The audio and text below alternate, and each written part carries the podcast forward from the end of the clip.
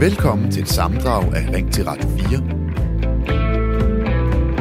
Hvor vi i dag taler om ligeløn og den lønforskel, der stadig er mellem mænd og kvinder, selvom vi har haft en lov om ligeløn siden 1976. For selvom tallene kan vendes og drejes på forskellig vis, så er der en lønforskel på 13,5 procent mellem kønnene, når man kigger på alle mænd og alle kvinders løn. Noget af det skyldes, at vi stadig fordeler os skævt på fag, og at der er lønforskelle mellem fagene. Desuden spiller det en rolle, at mænd er placeret højere oppe i stillingshierarkiet end kvinder. Lønforskellen hænger også sammen med, at kvinder har mere fravær end mænd. Omvendt tager kvinder længere uddannelser end mænd. Hvis de ikke gjorde det, ville lønforskellen mellem de to køn være endnu større. Det viser en undersøgelse fra VIVE, det Nationale Forsknings- og Analysecenter for Velfærd. Men hvem har ansvaret for at rette op på lønforskellen? Er det den enkelte kvinde selv, eller samfundet og de overordnede strukturer, der skal ændres på. Øhm, jeg har mit øh, dejlige lytterpanel med mig, og øh, Lene, det er blandt andet dig. Øh, jeg slap dig lige før, og hvor der ikke var så god lyd på dig. Nu håber jeg, at du er endnu tættere på din telefon. Hvad... Ja, jeg har helt været tæt på den. Ej, hvor er det godt. Jeg helt, helt i pausen, øh, så jeg tænkte, nok, okay. Okay. Jeg har, jeg har simpelthen bare lige lyst til at spørge dig, fordi nu er du jo kvinden i lytterpanelet i dag. Har du oplevet ja. at være på en arbejdsplads, hvor, hvor du har fået mindre i løn end dine mandlige kollegaer?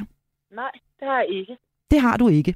Nej. Det var et klart og tydeligt svar. Hvordan ville du have reageret, hvis det havde været tilfældet? Ja, men jeg har, op... men jeg har fordi jeg er uddannelsesrådgiver, har jeg oplevet at være på en arbejdsplads, hvor mændene simpelthen uanset om de er mindretal, så er de bedre til, altså de er bedre til at trække sig på, og, og, og, og, og øhm, de er bedre til at forhandle. Ja. Altså selvom man har en kollektiv overenskomst, så er det stadigvæk til dels øh, øh individuelle forhandlinger. Og der, der synes jeg, at mændene er Mændene er længere frem i skoene. Ja, de er simpelthen bedre til at forhandle. Ved du hvad, det er en rigtig god øh, pointe, Lene. Du er, du er heldigvis med mig resten af timen her. Nu skal vi lige have Nils på banen. Nils han er 45 år og øh, ringer fra Falster. Og øh, velkommen til dig, Nils. Jo, tak. Øhm, ja, du mener, at der faktisk er ligeløn. Vil du ikke uddybe det? Jo, ligesom i, jeg har hørt, du snakker med inden for øh, lytterpanelet. Ja. Jamen, øh, jeg har endnu ikke prøvet. Jeg føler mig snydt, når jeg hører hver gang, at mænd får mere i løn end kvinder. Jeg har ikke endnu. Jeg har ikke prøvet det endnu. Alle mine kvindelige kollegaer, jeg har haft gennem hele mit liv, de har fået det samme løn som mig. Okay, og jeg er nødt, så er jeg nødt... Jeg, det eneste sted, jeg personligt har set en forskel, nu har jeg selv siddet som leder også, mm. der ser du en forskel. Der skal man ind og forhandle sin egen løn. Okay, men hvad har du... Hvad, der hvad, hvad, hvad, en forskel på, hvad mænd de mener, de er værd, og hvad kvinder de accepterer. Hvad, hvad, har du, hvad har du arbejdet med, Niels? Hvor har du været ansat? Oh, Eller ja, er ansat? Altså, lige, lige nu arbejder jeg med pleje. Ja. Øh, øhm, og der føler jeg da heller ikke, at nogen af mine kvindelige kollegaer de får mindre end mig. Nej. Altså, det gør de ikke. Og, og, og førhen, jeg har været i transportbranchen i mange år, og har været leder inden for transport også. Øhm, hvor jeg så selv også skulle forhandle min løn. Og det er altså, en meget stor del af, når de siger, at de der 13 procent, det er på et liv. Mm. Og det er på hele befolkningen. Mm. Men, men, Niels, men Niels har... Øh, de... siger, at jeg skal have det her lederjob, så siger manden, jeg er 1,2 millioner værd. Kvinden siger, øh, ja, hvad vil du give mig? Mm. Men Niels, prøv lige en gang at vende tilbage, prøv lige at vende tilbage til, til, til de menige ansatte. Er det sådan, at du med sikkerhed kan sige, at du ved, at dine kvindelige kollegaer har fået det samme som dig? Har det været noget, I har talt om på arbejdspladserne? Ja, altså det, der er jo ikke på, på steder, hvor der er overenskomster, der er ikke så meget at gøre. Jo, der er også forhandlingsmuligheder. Det er der da.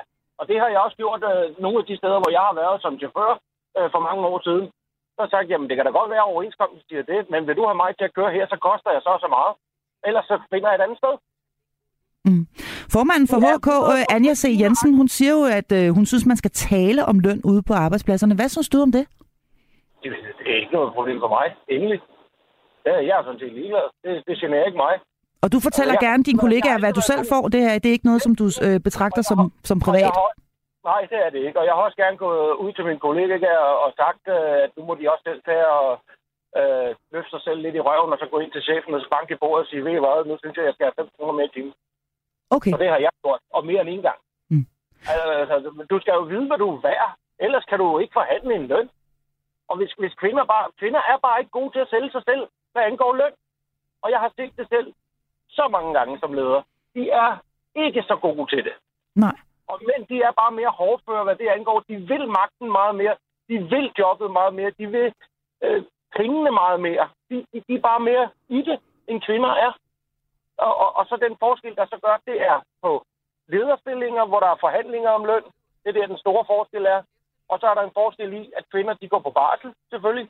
Så bliver der en forskel. Mm. Øhm, og, og det, er jo, altså, det, det kan vi jo ikke gøre om på. Mm. Vi kan ikke gøre om på, at hvis, hvis en kvinde går hjem og har fået fire eller syv børn, så kan du ikke forvente, at hun tjener det samme i sit liv. Øh, har samme lønindtægt over hele sit liv som en mand, der har knoklet 60-70 timer om ugen på et arbejde. Okay. Det kan man. Det, det kan man ikke. Ved du hvad, øh, Niels, du skal have tusind tak, fordi du ringede øh, fra Falster og øh, gav din mening til kende omkring ligeløn. Tusind tak for det, og fortsat god dag. Jo, tak. I lige måde. Det, der, øh, der er kommet sms'er ind her. Det er virkelig dejligt. Send endelig en afsted også til 1424, eller grib telefonen og ring til mig på 72 30 44 44. Lasse fra Kolding skriver sådan her. Det er kvindernes eget ansvar. 1. De vælger ofte timenedsatte lø- øh, la- øh, lavtlønsjob. 2. De tager størstedelen af barsel og vil ikke afgive den. Så i din undersøgelse, som viser helheden, så er der jo ligeløn for lige arbejde. Og det var altså Lasse fra Kolding. Uh, er, du, øh, er du enig i, øh, i det her? Nu vender jeg mig lige mod en, en anden Lasse, nemlig Lasse fra mit lytterpanel. Er du enig i det her? Det er kvindernes eget ansvar?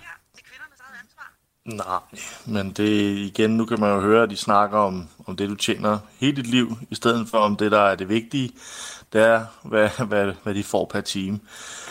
Øh, altså, jeg, jeg, ja, altså, jeg kan godt se, på et helt liv kommer de til at tjene det samme, hvis de skal have barsel og fem børn og alt det her mærkelige, og tager, tager, tager, tager et job, øh, der, der er mindre øh, øh, hvad hedder det, øh, betalt. Mm. Eller ikke betalt, det er det jo ikke, men, men Altså et la- la- lavlønsjob, Øh, men ja. mange gange er der mange kvinder, der tager mindre timer, fordi de går meget mere op i børnene, end mænd de nogle gange gør.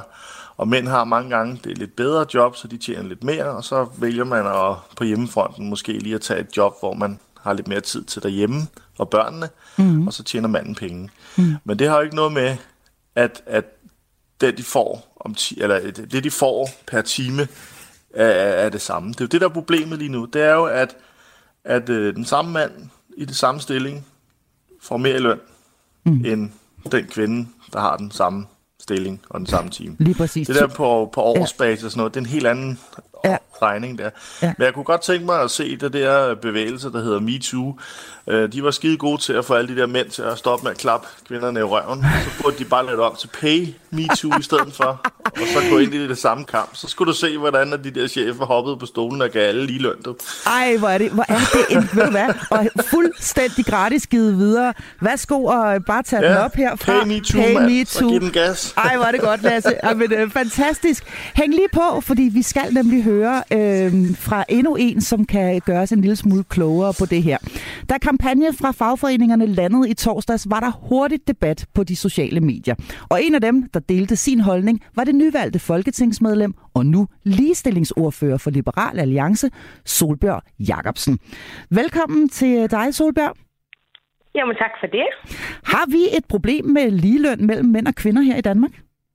Det synes jeg ikke. Øhm, jeg kan godt øh, også læse tal. Jeg siger ikke, at der ikke er, er det her 14 procents forskel, men som der også bliver nævnt, så er det rigtig meget, der forklares i nogle aktive valg, som primært tages af kvinder og ikke af mænd.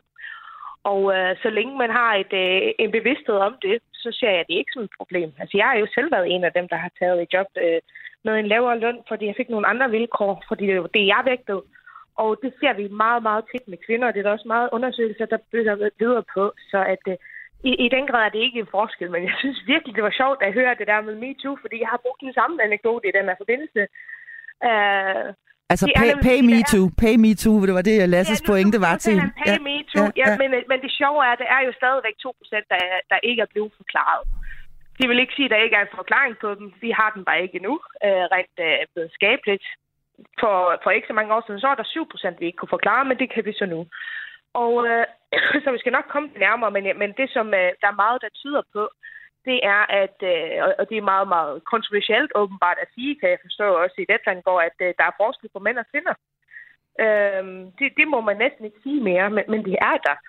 Og øh, det gør, at der er nogle styrker, kvinder generelt har mere af end mænd, og mm. omvendt.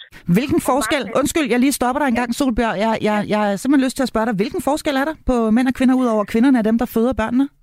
Um, det, det, det viser sig, altså undersøgelser viser, at, at kvinder har nogle andre træk end mænd. Typisk, altså ikke alle, altså jeg krydser selv ikke alle bokse, det tror jeg ikke, der er nogen, der gør, men, men det er overordnet billede. Nogle andre, og, hvad siger du, nogle andre tricks? Ja, nej, træk, altså karaktertræk. Nå, karaktertræk, ja, okay. Ja, og, øh, og mange af det trick, som primært øh, mænd besidder mere af end kvinder, øh, ikke alle sammen, men det er, det er faktisk trick, der er rigtig gode i eksempelvis en lønforhandling. Og, øh, og det er sådan noget, som jeg gerne vil have, at vi får snakket om. Fordi det kan vi faktisk gøre noget ved. Det er jo ikke karaktertrik, du skal være født med at have et talent, og så, så er du den eneste, der kan finde ud af det. Det er faktisk noget, man kan styrke. Så hvis man ved det, at øh, uanset om man er født med det, eller om det er samfundet, der udvikler det, eller hvad, men hvis man er opmærksom på det, så kan vi faktisk gøre noget ved det. Fordi i stedet for at, at lave den her bevægelse, der siger, at man bare skal betale den mere, så, så finde ud af, er en del af problemet, at uh, der er mange kvinder, som har svært ved at forhandle løn. Der skal du nemlig uh, være, være lidt hård. Uh, mm. Du skal du skal kunne turde stå imod og være meget selvsikker. Og, uh, og, og det, er, det er noget, der ikke falder kvinderne lige så nemt som mænd. Rent statistisk. Ikke, ikke helt... Uh, det er ikke helt stringent. Og hvad, mener, men, du så, hvad mener du så, Solbjørg Jacobsen øh, fra Liberale Alliance, hvad mener du så, der skal gøres ved det her? At, øh, du, du, du siger, der er en naturlig forskel. Øh, det ligger simpelthen ja. i vores køn, at mænd simpelthen bare som udgangspunkt er bedre til at forhandle løn. Hvad, hvad, hvad, hvad, hvad skal vi så gøre som samfund for at styrke kvinderne? og hjælpe dem lidt på vej? Som, som samfund, så kan vi forsøge alt muligt. Øh, jeg tror, at øh, jeg tror, det aller, aller mest kraftfulde vil være, for eksempel som Lasse siger, at der, at der kommer en eller anden bevægelse. Fordi det kan man jo se, det rykker meget mere end lovgivning og alt muligt andet. Øhm, og, og det handler simpelthen om, at vi kan gøre det selv, hvis man ved det. det er jo karaktertræk, der kan styrkes. Altså, de, de, hvis det er noget, man ikke er særlig god til lige nu, så kan man øve sig på det. Og det kan man også på det her. Jeg har selv gjort det. Jeg kender mange, der har gjort det. Der er også psykologer, der, der er altså erhvervscoach og sådan noget, som især hjælper typisk kvinder med, okay, kan vi, øh, kan vi lige få den der lille om i maven, der siger, at det her, det føles ikke rart at, at stå ved sig selv og skulle sætte en høj pris på sig selv. Det føles lidt uhøfligt, eller hvad det er, man måtte føle. Og, og så kan man arbejde på det. Men, men det kræver simpelthen, at vi anerkender, at, at der er det her forskelle. Og, øh, og det, som jeg primært hører, når jeg siger det fra, fra dem, der ikke er enige med mig, det er, hvordan kan du sige det? det, det altså jeg kan have min holdning til det, og det kan have sin holdning til det, men vi kan da ikke benægte, at der er lavet så mange undersøgelser, der viser, at det her karaktertræk adskiller sig lidt mellem kønnene, og det her karaktertræk har noget at sige, når du forhandler løn. Så der synes jeg, at øh, i stedet for at øh, sige mænd mod kvinder og alt muligt, jeg tror også, mænd er interesseret i, at, at der ikke er at tale om, om de nuancer der. Men, men det er der, og jeg, mm. jeg tror, det er, det er vores allesammens interesse at afhjælpe det, fordi virksomhederne har der masser af vinde med for kvinder ind også. Der er så mange ting. Okay, så, så, så det laver jo også ting, som, ja. som skal underbygge det. Jeg skal lige forstå dig fuldstændig ret så, fordi øh, ja. du starter med at sige, at du ikke mener, der er et problem med ligeløn mellem, øh, i Danmark, og, og, og alligevel mm. så sidder du nu og siger, at øh, det er vigtigt, at øh, de her forskelle bliver udjævnet. Så, så du mener altså, at der rent Nej. faktisk er forskel på mænd og kvinders løn? Du spurgte bare, om øh, der skulle gøres noget for mm. den faktor. Jeg prøvede bare at forklare de sidste 2 procent, som jeg tror kan no, i nogen grad bunde i den der. Okay. Og altså, nej, altså, så længe som kvinderne og mænd, altså hvis der er mænd også, der går ind og, og ikke har været lige så dygtige til at forhandle og få en lavere løn, så er det jo ikke forskel på mænd og kvinder. Altså, så er det ikke forskelsbehandling.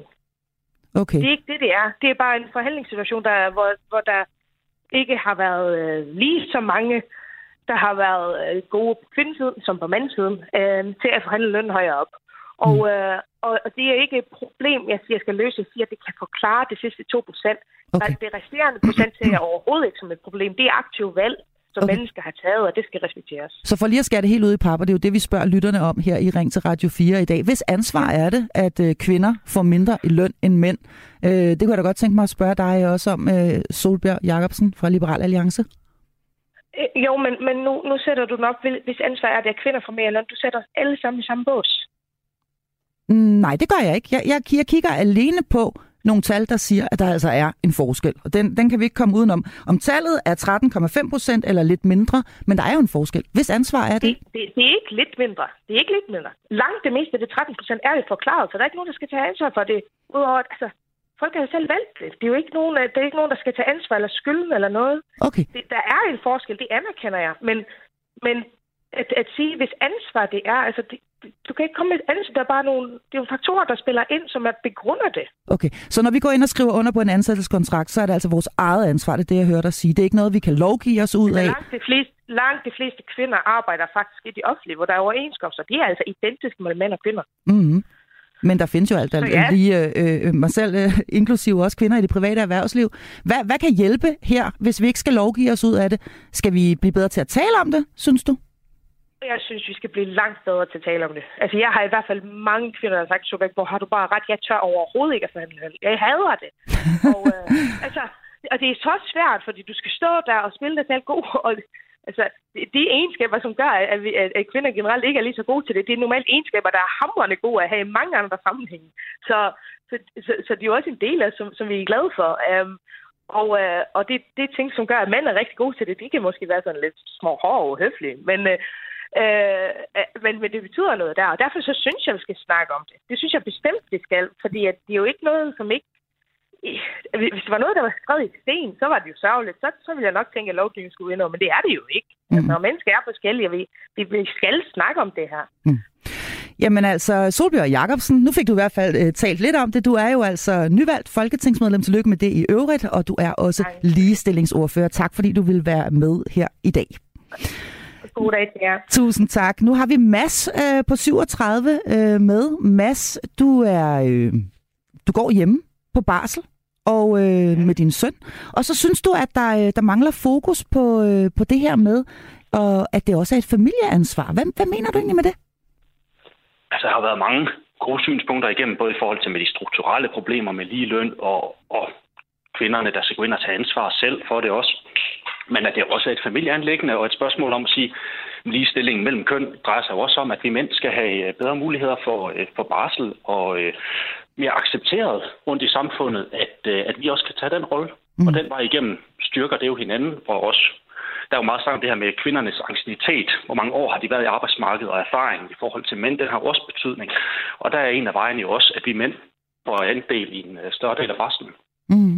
Og det er der jo rent faktisk lige øh, for relativt nylig lovgivet omkring, nemlig øh, altså lige præcis det her med at få flere mænd til at, at, at tage noget mere barsel.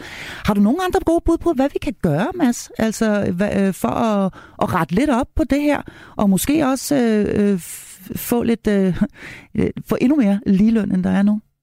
Jamen, det er jo en lang sej kamp med at øh, skal have brudt nogle af de normer ned, der er i forhold til, hvad der er mandejobs, hvad der er kvindejobs, hvad er mandens rolle i hjemmet, og hvad er kvindens rolle i hjemmet. Det er jo en lang sej kamp, der kommer til at sandsynligvis strække sig over nogle generationer. Mm. Og øh, jeg tager så min lille del af det ved at tage på barsel, og min kone plejer hendes karriere i stedet for. Ja, men er det ikke dejligt? Og, og, og, og, og, og vil du ikke også lige vedkende, at det faktisk er ret hårdt arbejde? Det kræver utrolig meget. Jeg går tipper på, at han vågner her lige om et øh, øjeblik. Åh, oh, hvor er det godt. Jamen, prøv en gang at høre. Øh, smadret godt. Øh, tillykke med både søn og med det hårde arbejde, og, øh, og at jo, din tak. Øh, kone får lov til at hoppe ud og, og, og, og, og gøre noget med sin karriere. Og tak, fordi du, øh, du ringede til os, Mads. Ja, tak. God dag. I lige måde lytter til Radio 4. Ja, hvor vi altså i dag taler om, at rigtig mange mindre butikker er presset på økonomien. Derfor opfordrer flere handelsstandsforeninger nu til, at man gør sine juleindkøb hos netop de lokale butikker, i stedet for at gå på nettet eller ud i de større butikskæder. Tidligere i programmet talte jeg med Annette Finset, der er indehaver af børnetøjsbutikken Ry 153 på Frederiksberg, og øh, hun var altså fuldstændig enig i, at det øh, er en rigtig god idé at støtte de små nu, hvis ikke konkurserne skal blive endnu flere. Hvad er vigtigst for dig, spørger jeg dig nu om. Er det vigtigst at handle billigt, eller er det vigtigst at handle lokalt? Og det er jo altså ikke sikkert, at de to ting uh, umiddelbart uh, hænger sammen. Jeg uh, lovede lige før, at vi skulle omkring uh, dig, uh, Merete Jacobsen, som jo altså er den anden del af mit uh, lytterpanel. Du, uh, du hørte Annette her, som har en lille lokal børnetøjsbutik, uh, beklage sig lidt lige før. Hvad, hvad, hvad tænker du umiddelbart om, om det, du hørte hende sige? Jamen, jeg synes faktisk, det var rigtig fint sagt øh, på, sådan, på en fin måde, det her med at være byens puls, for det vil jeg jo give hende ret i. Øh, og det her med den gode betjening og personlig service, det, øh, det er virkelig fantastisk at opleve, og jeg synes også, det er enormt vigtigt. Øh, så jeg synes, det er sådan lidt tvetydigt alt det her, fordi jeg vil også meget gerne være med til at beholde de her butikker i byerne for at netop beholde byens puls. Men på den anden side, så synes jeg også, at det her forbrugsfest, det, det, det må også gerne gå lidt ned øh, og passe bedre på miljøet og forskellige andre ting. Så den, den, den trækker sådan lidt i forskellige retninger, mm. mit svar vil jeg sige. Mm. Øhm, ja. ja. Det, det, det, det er i hvert fald der, hvor hvad du er. er bedst, det er simpelthen ikke rigtigt til at sige. Ja, Nej. synes, det er svært at sige, hvad der er bedst. Og jeg er egentlig bare spændt på at se, hvad der kommer til at ske, tror ja. jeg mest. Ja. Men det får dig ikke til at tænke, når du hører Annette, at du skal ud i nogle små butikker og hente de der to julegaver, du skal have med til pakkelejen i år. Jamen, øh, altså man kan også godt komme til at stå og mangle noget en gang imellem, ikke? Og, jo. øh, og der, der kan jeg da godt være, at jeg skal overveje. Men jeg tror, at jeg vil lave den med lige at tjekke priser på nettet, før jeg går ud i en butik. Ja. Fordi jeg har ikke lyst til at betale 300 kroner mere. Jeg, jeg kan godt være med til en 50 mere eller et eller andet, men det skal ikke være sådan, at man sådan føler sig øh, at jeg kunne have købt to pander for samme pris et andet nej, sted. Altså nej. Det, det tror jeg måske, jeg sådan var lidt... God ja. pointe. Så for dig, Men, der, der, øh, der er prisen altså også i spil, udover at jeg også ved, at du faktisk skal køre et stykke for at, at komme hen til, øh, til, til nogle af de her små fysiske butikker. Prisen betyder også ja. noget. Ja. Så det, jeg hørte ja, dig sige, det. det er, at du giver det gerne en lille altså. smule mere for at støtte lokalt, men, men, men der er også en grænse. Det er der, ja. Ja. Mm, Mariette Jacobsen, du er heldigvis med mig resten af timen her, og det er jeg super glad for. Nu skal vi uh, sige goddag til en uh, lytter. Det er Torben. Er du med mig, Torben? Det kan du tro, ja. 53 år og fra Skive? Ja. Hvad, hvad siger du til det her, Torben? Hvad, øh... Jamen, øh, jeg har jo selv stået som en af de her forretningsdrivende. Jeg har haft en radioforretning i Skive. Øh, og øh, den gik egentlig sig ganske udmærket. Øh, så i Viborg, som der ligger de der 25 km væk, der åbnede Elgiganten, og på en weekend, der mistede jeg 60 procent af min omsætning. Wow. Øh, og derefter, der blev det sådan, at folk de øh, kom ind i min butik. Gæster kaldte jeg dem som regel, øh, fordi de skulle have alting at vide, de skulle se, hvad det var, de skulle øh, have noget råd og nogle vejledninger, men så de har fået det, jamen, så skulle de lige tænke over det, og så gik de igen, og så så man dem ikke mere. øh, man gik bare ud fra, at man kunne få det billigere på nettet. Jeg blev ikke engang spurgt om prisen. Øh, det var ikke engang øh, sådan, det var. Og jeg lukkede så min butik, fordi det var jeg simpelthen nødt til, fordi jeg kunne ikke leve af det til sidst. Og i dag, der arbejder jeg så som fotograf. Øh, og øh, jeg har købt alt mit udstyr hos den lokale fotohandler. Jeg har fået en exceptionel service, og jamen, hvis vi, jeg er afhængig af mine ting, så hvis der er noget, der har været i stykker, så har jeg kunnet låne noget og ting og sager. Og hvis jeg engang imellem har tjekket prisen på det, jeg har købt på nettet, så har det faktisk altid været billigere, end jeg kunne få det på nettet. Men det er ligesom om, vi har en eller anden forventning om, at bare vi køber det på nettet, så er det billigt. Og det er det ikke. Mm.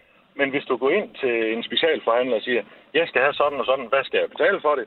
Så får du den bedste pris, han kan give. Og selvfølgelig skal han også tjene på tingene, eller hun skal tjene på tingene, fordi ellers så kan de jo ikke overleve.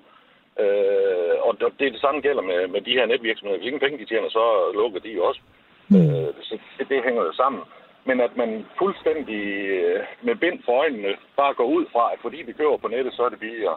Mm. Øh, du får ikke den råd af vejledning. Du går glip af en masse specialviden, som du øh, som forbruger kan drage enormt stor nytte af. For eksempel ham, den anden mandlige deltager i panelet, som fortalte om hans episode med sko. ja. Det gælder både sko og tøj og pander og jamen, alt. Så uh, handel lokal, handel lokal, handel lokal. For hvis ikke du gør det, så lukker butikkerne. Mm. Og så kommer det til at koste penge i den sidste ende. Fordi nu, jeg kører som boligfotograf, og de byer, hvor butikkerne de er lukket, der rasler priserne ned på husene. Uh, så du er med til at bibeholde uh, din egen værdi også ved, at du gør det. Så jeg ser det ikke som dyrere at handle lokalt. Jeg ser det som en investering i fremtiden. Det er en rigtig, rigtig god pointe, at man i virkeligheden er med til at øh, øh, opretholde en værdi, man selv har stor interesse i, nemlig ved at, at holde, holde, holde liv i, i byerne. Og så vil jeg altså sige, der kan der altså også noget at få lov at smage på den ost, man køber, inden man køber den. Det kan er lidt svært øh, hen i netto, ikke? ja, eller hvad det er, det, det er fuldstændig ligegyldigt, fordi det, du, du, du får som regel altid en, en bedre oplevelse ved at, at handle i de lokale butikker. Øh, fordi de er jo også interesserede i at beholde dig som kunde. Så de gør alt, hvad de kan, for at du skal få den bedst mulige oplevelse. Mm. Fordi hvis ikke de har dig som kunde, jamen, så er de jo også nødt til at lukke. Mm.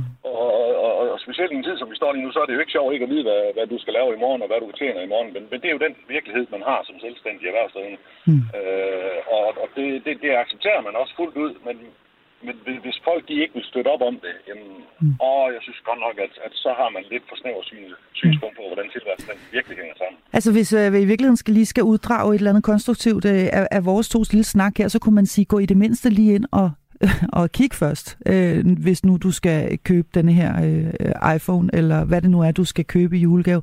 Så prøv lige at gå ind ja, til ja. den lokale først, og, og, og se, hvad, hvad, hvordan, det, hvordan det ser ud derinde, inden du bestiller på nettet. Det kunne i hvert fald være en, en, en opfordring. Er det ikke rigtigt, Torben? Jeg synes jo, vi har et pragt eksempel på markedet lige nu. Støvsugeren Dyson for eksempel, de har jo stået alle mulige steder og stået til salg. Øh, og det er, jo sådan, det er jo også en dyr støvsuger. I dag der kan du faktisk ikke få den i nogle butikker, fordi nu handler de udelukkende på nettet. Mm. De, de sælger ikke øh, deres produkter i butikkerne længere. Det vil sige, at du kan ikke prøve tingene, du kan ikke øh, se, hvad det er for noget. Du skal bare købe det på et navn. Mm. Jamen, hvad nu, når det går i stykker? Jamen, så, så, så har du ingen hjælp. Øh, hvad hvis du skal bruge en eller anden reservedel øh, til et eller andet? Jamen, jamen, du får ikke noget hjælp. Det kan være, at det er første tredje gang, du får det hjem, at, at det faktisk er det, der passer osv. Mm. Og, og det er den vej, vi går. Og jo, selvfølgelig er der nogle øh, Black Friday-tilbud og ting og sager, også på nettet. Men, men mange gange, så, så kan du altså få det øh, til den samme pris, eller meget tæt på i hvert fald, i de lokale butikker. Mm. Øh, og, og så samtidig øh, få en god service også, hvis der sker et eller andet. Tusind tak. Ja, du har fuldstændig ret. Tusind tak, fordi øh, du, øh, du ringede, Torben. Det var jeg er rigtig, rigtig, jeg er rigtig, rigtig glad for, at du ringede. Velbekomme. Det er godt. Hej. Ha' en god dag. Ja, i lige måde, tak. Og så vender jeg mig altså lige øh, mod sms'en, for en stund her er der en, der skriver, økonomien er som Titanic. Isbjerget er ramt, skibet tager vand ind, men musikken spiller stadig. Forbrugerne sidder på hænderne og bruger hverken penge online eller i fysiske butikker. Vinderne, overleverne, bliver de butikker, som tilpasser varesortimentet til varer, som reelt kan omsættes i krisetider. Og den sms, den kom fra Søren. En anden en lyder sådan her. Vi vil nok alle være tilbøjelige til at vælge den billigste og nemmeste måde at købe såvel dagligvarer som julegaver. Men der er en pris for alting. Prisen for ikke at handle lokalt vil på sigt formentlig betyde, at vores bymidte i såvel København som i større købsteder at, øh, at såvel mindre butikker som caféer inde som ude må dreje nøglen om. En sørgelig og grå fremtid venter, hvis vi kun tænker umiddelbart egoistisk. Og den sms, den kom fra Annette. Og øh, en fra Inger her. Lad os nu støtte de mindre lokale forretninger, når vi skal købe julegaver. Tanken om, at flere forretninger måske må lukke, er meget, meget trist. Har vi ikke set nok, da vi så alle de mindre forretninger måtte lukke efter coronanedlukningen. Tak for den sms, øh, Inger. Ja, der er altså en hel masse, der tilslutter sig øh, det her sådan lidt øh, triste øh, scenarie, der altså øh, jo altså hænger sammen med, at øh, flere og flere butikker øh, ser ud til at lukke i hvert fald. Så var det en, øh, en kedelig rekord, vi ramte i øh, oktober her for en måneds tid siden, hvor øh, cirka 12 procent flere end, øh, end sidste år måtte dreje nøglen om i en konkurs. Vi øh, skal tale meget mere om det her emne. Du er velkommen til at skrive en sms ind til mig 72 30 44 44 eller sende en sms til 14 24. Og øh, jeg har lyst til lige at bringe dig med igen, øh, Peter, øh, på, øh, på min, fra mit lytterpanel. Øh, Peter, nu fortalte du lige før om den her oplevelse med, at du havde med at gå ind og, og købe dine sko og få en rigtig god behandling i en øh, skobutik. Jeg har bare sådan lyst til at spørge dig, fik du også en rigtig god pris? ja, det gjorde jeg faktisk. Nå, gjorde du det? Okay. Fordi jeg kunne godt tænke mig lige at prøve at gå lidt ind i det her med, at vi bare sådan automatisk læner os op af øh, øh, myten, kan man vel nærmest kalde det, om, at det er dyrere at handle lokalt, end det er at handle på nettet. Hvad er din oplevelse af det? Altså, hvordan var, hvordan, hvordan var det, da du købte sko, for eksempel, der for nylig? Jamen, sådan er det overhovedet ikke. Men altså, nu har jeg boet i København i mere end 40 år, men jeg er født og opvokset i Jylland.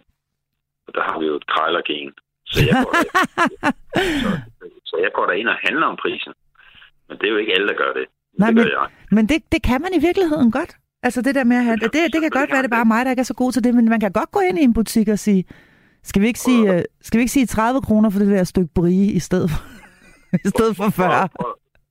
Ja, men det er jo selvfølgelig et eksempel, ikke også? Men, men, men jeg endte med at få min vidunderlige løjtsko billigere, end jeg kunne få det i et stort center. Mm. Det handler om det. Det er jo for, for, for, for, for, for sådan en som mig med et jydegen, så er det jo en fantastisk oplevelse at gøre det. Og det, og det, Altså, det er, en, det er en myte, at man ikke kan få de rigtige priser i specialbutikkerne. Det kan man godt. Men man er nødt til at gøre lidt for det. Mm. Og det, det, det, så kommer man endnu mere glad hjem. ja, så tilføjer det også til den gode oplevelse, at man ovenikøbet lige fik lidt, øh, lidt øh, rabat. Men det kræver lidt. Altså, det kræver lidt. Det kræver, at man er åben og, og modtagelig og, og. Og måske også en lille smule, en lille smule charmerende. Øh, Peter Berndt, du, øh, du, øh, du hænger her øh, på her hos mig, øh, og øh, jeg glæder mig til at, øh, at øh, høre, hvad du tænker om det næste, vi skal. Vi skal nemlig have øh, fat i øh, Nils Rarlund, e-handelsdirektør i øh, Dansk Erhverv. Velkommen til, øh, til dig, Nils. Tak skal du have. Du repræsenterer blandt andet de virksomheder, som øh, man kan handle ved på nettet i stedet for nede på gågaden. Øh, mener du, at forbrugerne har et ansvar for at støtte deres lokale butikker i stedet for at finde gode øh, tilbud på nettet? Og så skal jeg lige sige, at jeg repræsenterer en lang række butikker, ja. som både tilbyder kunderne at handle på nettet og handle i deres butikker rundt omkring i landet. Godt, ved du hvad, det, det var... Stor glæde, og det er en ja. stor glæde, at det har udviklet sig på den måde. Ved du hvad, øh, det, det er jo en ret vigtig præcisering, du lige kommer med der. Øh, fordi øh, det vil sige, det er altså butikker, som både findes fysisk, men som også findes ude i cyberspace. Rigtig forstået? Jeg er jo blevet citeret en hel del gange til for at sige, at vi følger kunderne. Hvem fanden skal vi ellers følge? Undskyld mig mit franske. men, men, men, men sagen er jo, at det er jo kunderne, der bestemmer, hvordan de vil handle. Og kunderne vil handle både online og offline, og de vil gøre det, når de har lyst til det. Altså, hvis de en dag har lyst til at handle på nettet, så gør de det. Hvis de en dag har lyst til at gå ned i en butik og få en oplevelse ud af det, jamen så er det det, de gør. De vil bare have valgfriheden. Og de butikker, der bliver stående stejl på det her med, at nethandel, det er ikke noget for os, mm. øh, og det er nok, kommet, nok ikke kommet for at blive.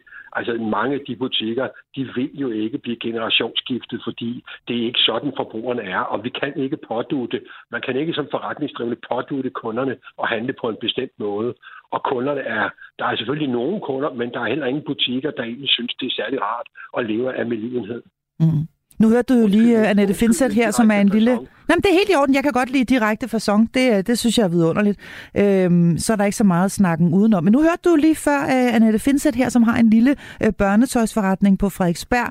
Øhm, hvad, hvad, hvad tænker du, når du hører hende sådan uh, pive en lille smule og sige, au, au, au, au, au, det er stramt? Jeg hørte hende ikke. Jeg er kommet på her for fem minutter siden, eller sådan noget, der, der I ringede mig op. Så det har jeg ikke hørt. Nej, men, men, jeg har jo hørt det, jeg har jo hørt det mange gange tidligere. Ja. Jeg skal lige sige med til historien, jeg er en ældre herre på 67 år.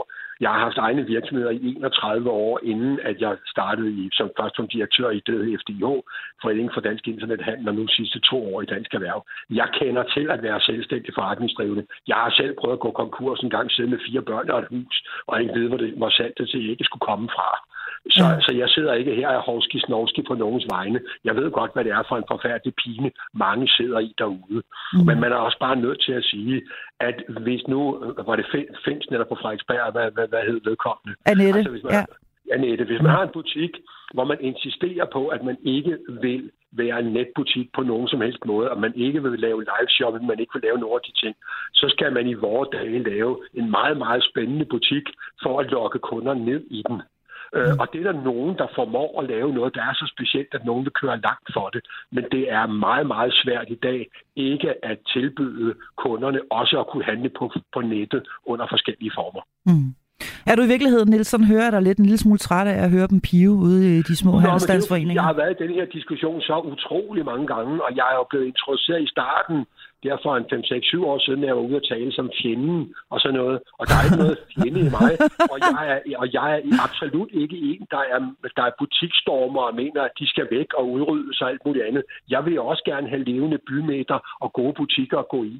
Mm. Jeg synes nogle gange, at man har sådan nogle debatter, Øh, det er ikke altid, at jeg kan, jeg kan genkende det der billede af de her butikker, der nærmest står på øh, hænder og tæer for os, når vi dukker op i butikken, den røde løber er rullet ud. Jeg oplever mange butikker, og det er absolut det modsatte. Jeg oplever nogle, nogle mennesker, der ikke rigtig gider mig. Man har heldigvis også de andre oplevelser. Dem lever man jo højt på længe. Øh, men, men, men den her forhærligelse af, at, at fordi man er en butik, så gør man så utrolig meget for kunden, og det gør man ikke på nettet. Øh, jeg vil sige, nu kender jeg som sagt både rigtig mange af den ene og den anden slags, men, men øh, når, også inden for netbutikker, der er jo en ekstrem høj kundeservice. Man ønsker jo ikke at skuffe kunderne på nogen som helst måde, og, og det har jo også nået nye højder med den personalisering, man har gjort, det med at kende sine kunder, og, og, og, og, og hvad hedder det, øh, retur er ikke noget problem i dag, så videre, så videre. Så det er jo blevet let og enkelt for kunderne at, at handle på nettet, og det har de jo oplevet og synes, de får en god oplevelse ud af det.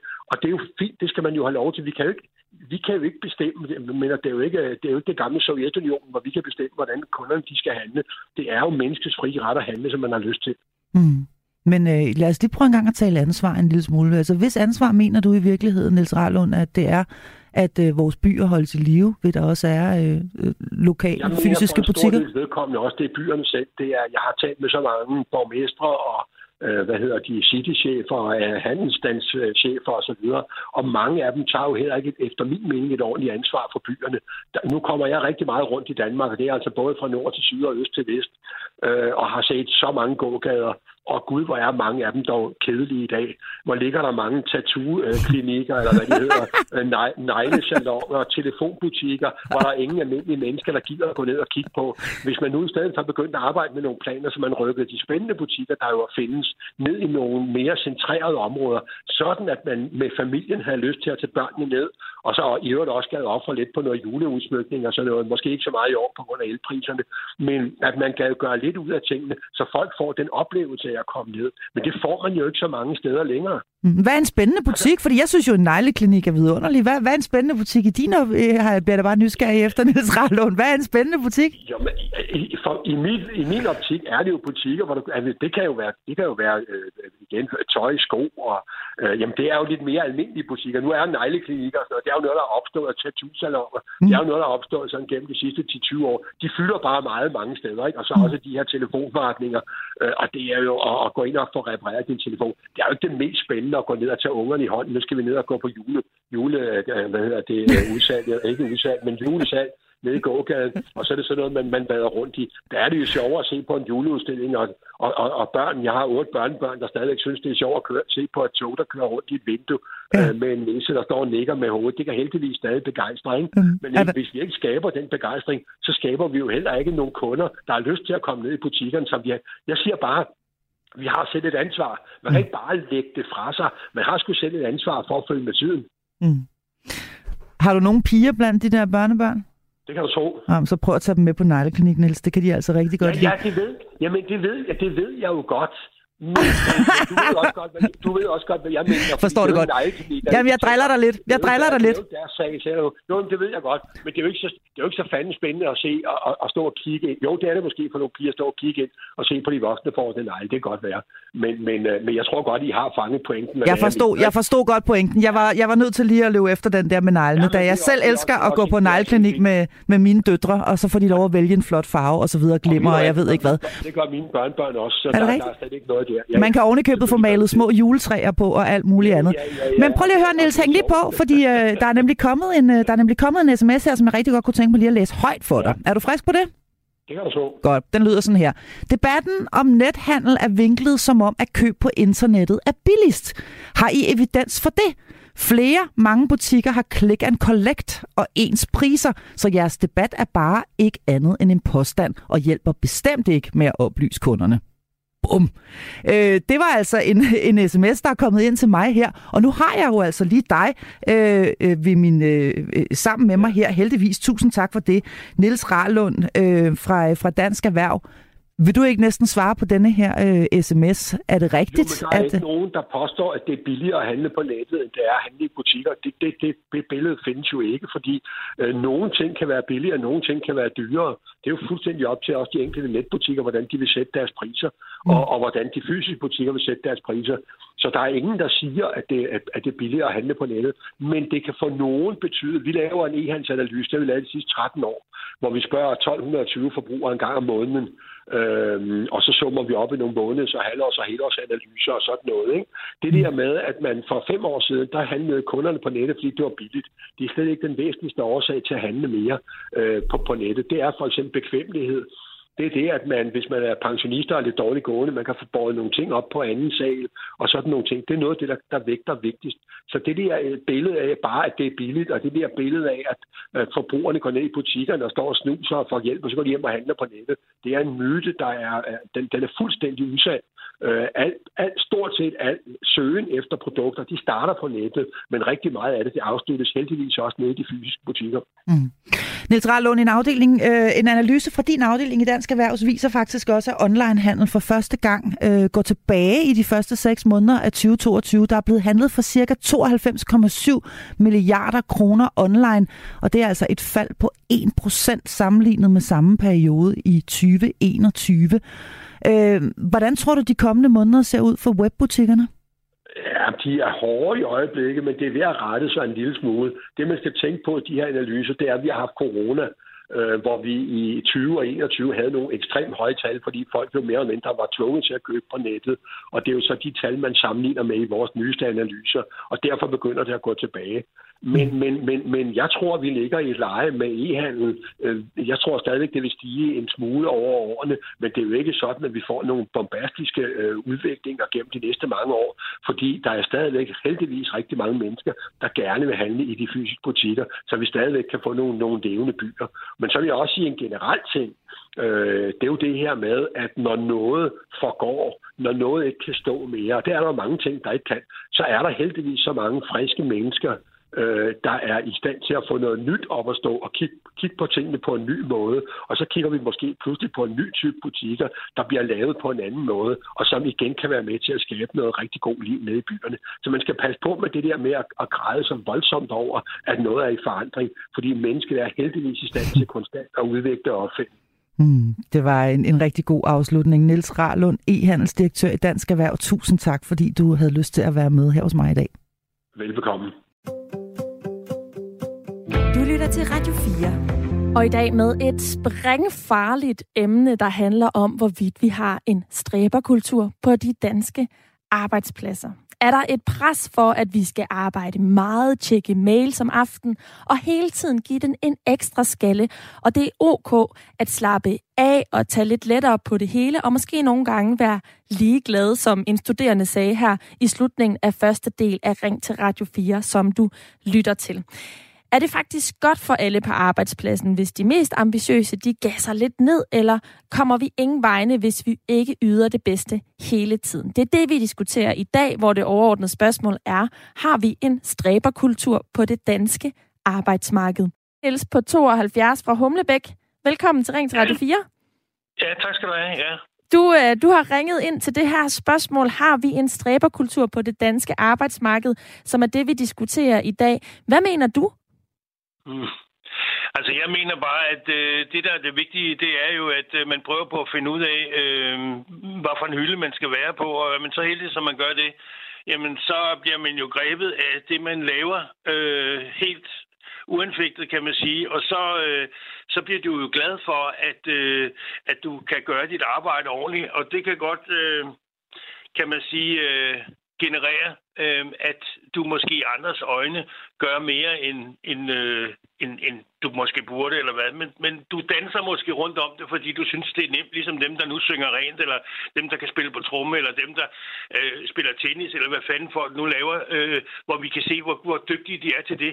Altså, de, de, øh, de ser det jo ikke som et, et, øh, et, et problem eller noget. De, de danser jo rundt om det, fordi de er gode til det, ikke? Og, og hvad mener du med danser rundt om det? Hvad er det, man danser rundt om? Jamen, man er bare glad, når man går på arbejde. Man er glad for sine kollegaer. Altså, hvis det er, man ryger på rette hylde, og man, man, man trives det, hvor man er, og man kan det, man, man har med at gøre, så går tingene bare op i en højere enhed, og så... Øh, så er du et, et godt øh, forbillede, kan man sige, for de andre medarbejdere, øh, og kan måske smitte lidt af på dem øh, og, og, og, og fortælle dem, hvordan at man, man bliver dygtig til det, man laver. Nogle er så måske bare placeret forkert. De skal måske slet ikke lave det, de har gang i, eller føler måske ikke, at, at de har selvværd, eller, eller, eller at de er så dygtige til det, de egentlig går og laver. Så de skal måske bare finde noget. Jeg arbejdede som mekaniker i, i 22 år, og var både værkfører og, og servicearbejder og alt muligt øh, inden for mekanikerfaget, men øh, så skiftede skiftede jeg, da jeg var 38 og blev sælger på Søndagsavisen, og var der i 22 år. Og jeg må indrømme, jeg tror aldrig nogensinde, jeg havde fået chancen for at prøve at skifte til sådan et job, fordi det krævede jo selvfølgelig umiddelbart nogle helt andre forudsætninger. Men det havde været der i en måned, så fandt jeg ud af, at jeg skulle fandme aldrig have lavet andet. Det var, det var helt vidunderligt, og jeg, jeg nød de der 22 år. Så det der med at skifte job, det er ikke nogen dårlig idé. Nej, og jeg tager virkelig to vigtige pointer med fra dig her, øh, øh, Niels. Øhm, dels det der med, at hvis du er glad for at være der, så skal du smitte dine kollegaer, fordi som, øh, som det, det, jeg har læst op på emnet i dag, viser jo, at når der er stress, altså et dårligt arbejdsmiljø, så er det både lederne og medarbejderens egen skyld, men det er også kollegaernes skyld, så hvis man som kollega kan gå ind og smitte med lidt positiv energi, så er det jo en måde at gå til det på. Men også det her med, at det tager altså tid at måske finde sin rette hylde. Det er også det, vi har hørt Janet i lytterpanelet øh, sige. Så det er jo øh, nogle pointer, som de yngre kan tage med øh, fra jer. Tak, Niels, fordi du ringede ind i dag. Ja, velkommen. Og øh, nu skal jeg byde velkommen til en, der ved noget om det her emne, og det er dig, Pernille Torp, chefkonsulent ved Dansk Erhverv. Velkommen til Ring til Radio 4. Tak skal du have. Vi taler jo, altså det helt korte spørgsmål i dag er, har vi en stræberkultur på det danske arbejdsmarked? Og det vil jeg simpelthen begynde med at stille dig. Hvad er dit svar til det? Ja, det tænker jeg nok, du vil spørge om. om. Jamen, øh, umiddelbart, så kan man sige, det kommer an på, hvad du ligger i ordet stræber, og det har I også diskuteret. Du har jo lyttet lidt med her tidligere, øh, øh, og også hørt dine egne øh, baggrundsundersøgelser øh, og Lunas øh, indlæg og alle de gode lytter, der ringede ind. Øh, og man kan sige, umiddelbart, så så det her med at stræbe efter noget, det kan jo være en god ting, og hvis man slår ordet op, så er det også en positiv ting, fordi det, det, vi vil jo alle sammen gerne gøre det godt. Altså, de fleste af os, vi vil gerne gøre de ting, vi gør godt. Og hvis det er at stræbe, jamen, så har vi nok en stræberkultur. Men hvis det er noget med at, at få skabt en eller anden kultur, som Luna også var inde på, hvor vi i højere grad går op i sådan noget med, hvad karakterer vi får, og hvordan ser vi ud, og gør vi, ser vi lige så godt ud som andre, så synes jeg ikke, vi har en stræberkultur på den måde. Men, men vi, vi, vi har en kultur, hvor vi gerne vil performe øh, på vores arbejdsplads. Det, det, det har vi. Du, du repræsenterer, Pernille, som chefkonsulent ved Dansk Erhverv, ja. en, en masse arbejdspladser, og du siger, at vi har ikke yes. en stræberkultur, men en performancekultur. Er der nogle øh, konsekvenser ved det? Jamen, selvfølgelig er der nogle konsekvenser. Øh, vi har jo også hørt noget af det her. Der kan jo være de konsekvenser, at hvis folk ikke har den her balance imellem eller trives, som der også var inde på nu, jamen så kan man jo godt opnå øh, noget negativt, som kan være stress for eksempel, eller mistrivsel. Øh, ellers så kan der jo også være nogle gode konsekvenser ved det. Altså det vil sige det her med, at vi udvikler ting, og vi udvikler os selv, og vi er glade for at gå på arbejde, fordi vi er dedikeret til det, vi gør. Altså det, det er jo også noget med, her taler vi lidt om tid, og vi taler lidt om trivsel, og vi taler lidt om at være dedikeret. Øhm, og, og jeg har faktisk et citat, jeg godt lige vil give jer, fordi jeg faktisk var en stor arbejdsgiver, eller direktør Lars Rode, som er direktør for Nationalbank, han siger faktisk, jeg vil gerne have medarbejdere, der brænder, men brænder ud. Og derfor mener jeg også mine medarbejdere om, at det at være dedikeret er ikke det samme som at arbejde 80 timer om ugen. Men hvad... Og det synes jeg faktisk er en meget god måde at beskrive det på, og vi vil selvfølgelig gerne have nogle medarbejdere på de danske arbejdspladser, der går op i deres arbejde og som leverer øh, det, de skal. Men man skal også huske at holde pauser man skal også huske, at man ikke brænder ud. Øhm, jeg synes, det er vildt. Det lyder jo... Det lyder jo vildt fint, det her med at brænde for noget, men ikke brænde ud. Men hvem har så ansvaret for, at medarbejderne ikke brænder ud? Jamen, det har vi jo alle sammen. Altså, jeg bliver også lige nødt til, bliver lige nødt til, inden jeg svarer på det, så bliver jeg bare lige nødt til at gå helt tilbage til en af de lytter, der ringede ind og sagde, at vi har afskaffet tillidsmand, og nu er det Human Resource, der tager over. Øh, arbejdsmiljøet både det psykiske og det fysiske, det ligger altså i arbejdsmiljøorganisationerne. Og sådan en, den skal man simpelthen have på en arbejdsplads, hvis man er over 10 medarbejdere. Så det vil sige, alle arbejdspladser over 10 medarbejdere, de skal have en arbejdsmiljøorganisation, som skal have det her på dagsordenen, både det psykiske og det fysiske arbejdsmiljø. Og hvis man er under 10, så skal man faktisk også, det er lovkrav, have en årlig snak en gang om året om arbejdsmiljøet. Hvordan går det? Det er bare lige for lige at få den på plads, fordi den, den skurede lige mine ører, denne her med, at vi havde afskaffet alt det her, og nu var det bare Human Resource, der kunne stå op og sige, at det vil vi ikke være med til. Øhm, det var bare lige for at få det Men det kræver jo også ledere. Der må, sidde, der må åbenbart sidde nogen og føle, at, at det er det, der er oplevelsen. Det kræver jo så ledere, der har sat sig ja. ind i det og prioriteret det ligesom dig. Ja, men det ved, altså det, det ved alle, der har en, en arbejdsplads. Det er ikke, jeg tror nu, ved jeg ikke, hvordan, hvad han svarer ud fra, og, øh, men, men det er et lovkrav, og de, dem, der stifter øh, virksomheder, de kender godt lovkravene, og ellers hjælper vi det også med dem herinde fra Dansk øh, Erhverv øh, med at gøre opmærksom på, hvad man skal leve op til som, som arbejdsplads. Øhm, men tilbage til det, der du sagde med, hvem der har ansvaret. Det var bare lige for at få rettet op på denne her. Øh, det er kun godt det. at få rettet op på tingene, Pernille. ja, det var bare lige for at få den med. Men alle har jo et ansvar. Man kan sige, man har jo selv et ansvar for også at vurdere, hvordan er min work-life balance. Altså, øh, hvor, meget gør, jeg, hvor meget har jeg travlt på arbejde? Er der noget, der skal justeres? Skal jeg tage en snak med min leder? Nu var der en af jeres lytter, der talte om det her med at skifte spor. Er jeg glad for mit arbejde? Er jeg ikke glad for mit arbejde? Det kan der jo være nogen, der skal. Der kan også være nogen, hvor man skal ind og tale med sin leder, og man kan få nogle andre typer af opgaver, hvis der er noget, der stresser i det, man gør, eller hvis man føler sig presset. Det er fordi, det kan være stress, men det kan også være, hvis man føler sig presset øh, til at skulle levere et eller andet, man ikke synes, man kan. Så man har selvfølgelig selv det her ansvar, øh, og, og det er også vigtigt for en selv at holde pauser. Og det er vigtigt, at vi alle sammen holder pauser. Det tror jeg, vi bliver meget klar over, rigtig mange af os, der arbejder hjemme under corona de her teamsmøder, der sidder plastret til ryg mod ryg, der glemte vi helt at holde pauser, eller fik ikke mulighed for det. Og det er ikke særlig sundt, og man er heller ikke særlig, øh, hvad skal man sige, har ikke overskud til næste møde, hvis ikke man får en pause. Så, så det her med at holde pauser, og der har også været lidt tale om det her med at være syg. Hvis man er syg, så er man syg, og så skal man blive hjemme. Mm. Øh, så, så, så det har man selv et ansvar for, men lederen har selvfølgelig også et ansvar. Både i forhold til at sætte rammer, og måske også hjælpe de her, nu Luna fortalte om, at hun måske var en af de der, der kom ud og gerne ville præstere og, og gerne ville, øh, hvad skal man sige, have de her øh, gode, gode, god performance og kom fra de gode karakterer i skolen, jamen der kan man sige, der skal lederen måske også hjælpe med at sige, det er det her, det er den her opgave, og det, er nok er nok. Altså, det kan være den her opgave, der er 80 procent nok, du behøver ikke skulle løse den til 100 procent. Øh, det er jo også lederen, der kan gå ind og hjælpe, specielt hvis man kan se, at der er nogle medarbejdere, der måske ikke er så gode til selv at få sat de her øh, rammer for, mm. hvornår nok er nok.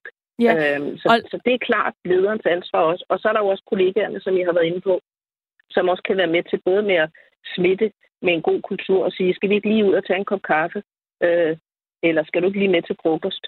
Det er jo også noget. Øh, Ja, og ligesom at man som forældre smitter sine børn med en indstilling til arbejde, som Luna fortalte, så gør man det jo også som leder og som chef. Præcis. Og man er med til Præcis. at skabe den her kultur, og man kan jo også som chef lade være med at sende den mail kl. 23 og yes. indikere, jeg holder også fri. Det er helt okay ja. at holde fri en gang imellem. Det er jo en balancegang, og det er en treenighed, der skal gå op i en, en højere enighed. Og, og så vil jeg sige, at i dag er det så smart, at hvis man nu er sådan en, som en af vores lyttere sagde, der godt kan lide arbejde, eller tage en telefon om aftenen, eller sådan en som mig, der godt ville nogle gange holde lidt fri for at være sammen med mine børn, og så arbejde igen lidt senere.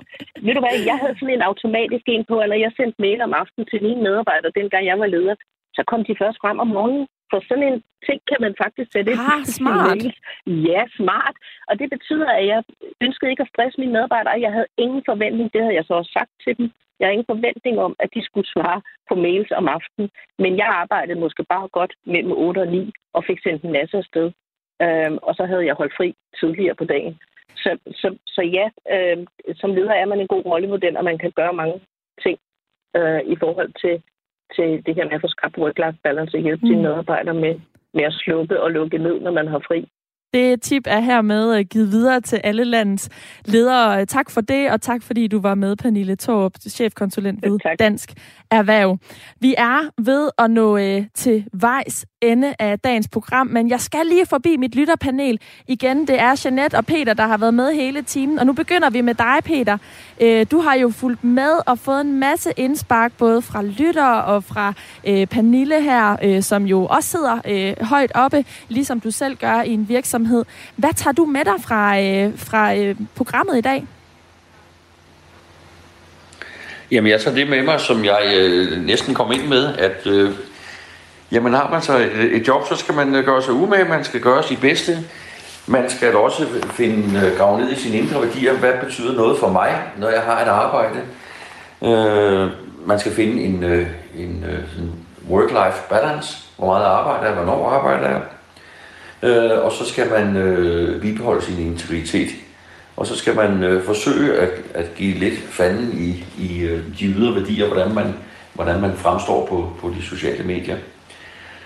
Øh, det er jo meget pudsigt, fordi øh, jeg sidder også og lige og kigger på en statistik over stress. Det er jo øh, i... Altså, kvinder bliver ramt af stress næsten dobbelt så meget som, som mænd. Så det kunne godt tyde lidt på, at det var den, øh, de, de ydre værdier, øh, som stresser en. Altså, hvordan man, Fordi hvordan man kvinder fremstår. går mere op i det. Det kunne jeg da godt forestille mig. Det Ja, var meget, den det må kan vi tage en, en, en helt program om. Ja, den må vist være for egen regning, Peter. Men du skal Ja. i hvert fald have Men tak, synes- fordi ja, du men jeg øh, synes, var det- med. Ja, Og så, Velbekomme. så kan vi jo spille bolden videre til en, din kvindelige medpanelist, Janette, der også har været med hele, hele timen. Øh, Hvad, hvad tager du med dig fra dagens program?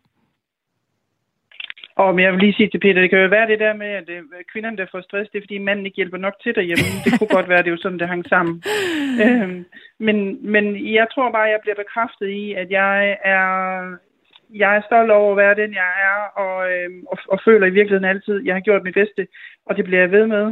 Øhm, jeg er jo så heldig, at jeg arbejder både selvstændig, men også har øh, et øh, øh, syv til, til fire job. Øh, og måske vil jeg tænke lidt mere på øh, mine kollegaer inde på arbejde og kigge lidt, lidt, dem lidt dybere i øjnene, men, øh, men jeg vil stadigvæk blive ved med at være den, jeg er, og, og så måske holde lidt flere kaffepauser. Således, det lyder, eller sådan, øh, hvad hedder det, Jeanette, det lyder altså som om, at du alligevel har fået lidt med fra, øh, fra dagens program, og det lyder da kun dejligt, hvis, du, øh, hvis det har givet dig mod på og lyst til øh, at smitte dine kollegaer lidt med noget, øh, med noget positiv energi. Jeanette Nielsen, tusind tak, fordi du var med her i Ring til Radio 4 i dag. Velbekomme.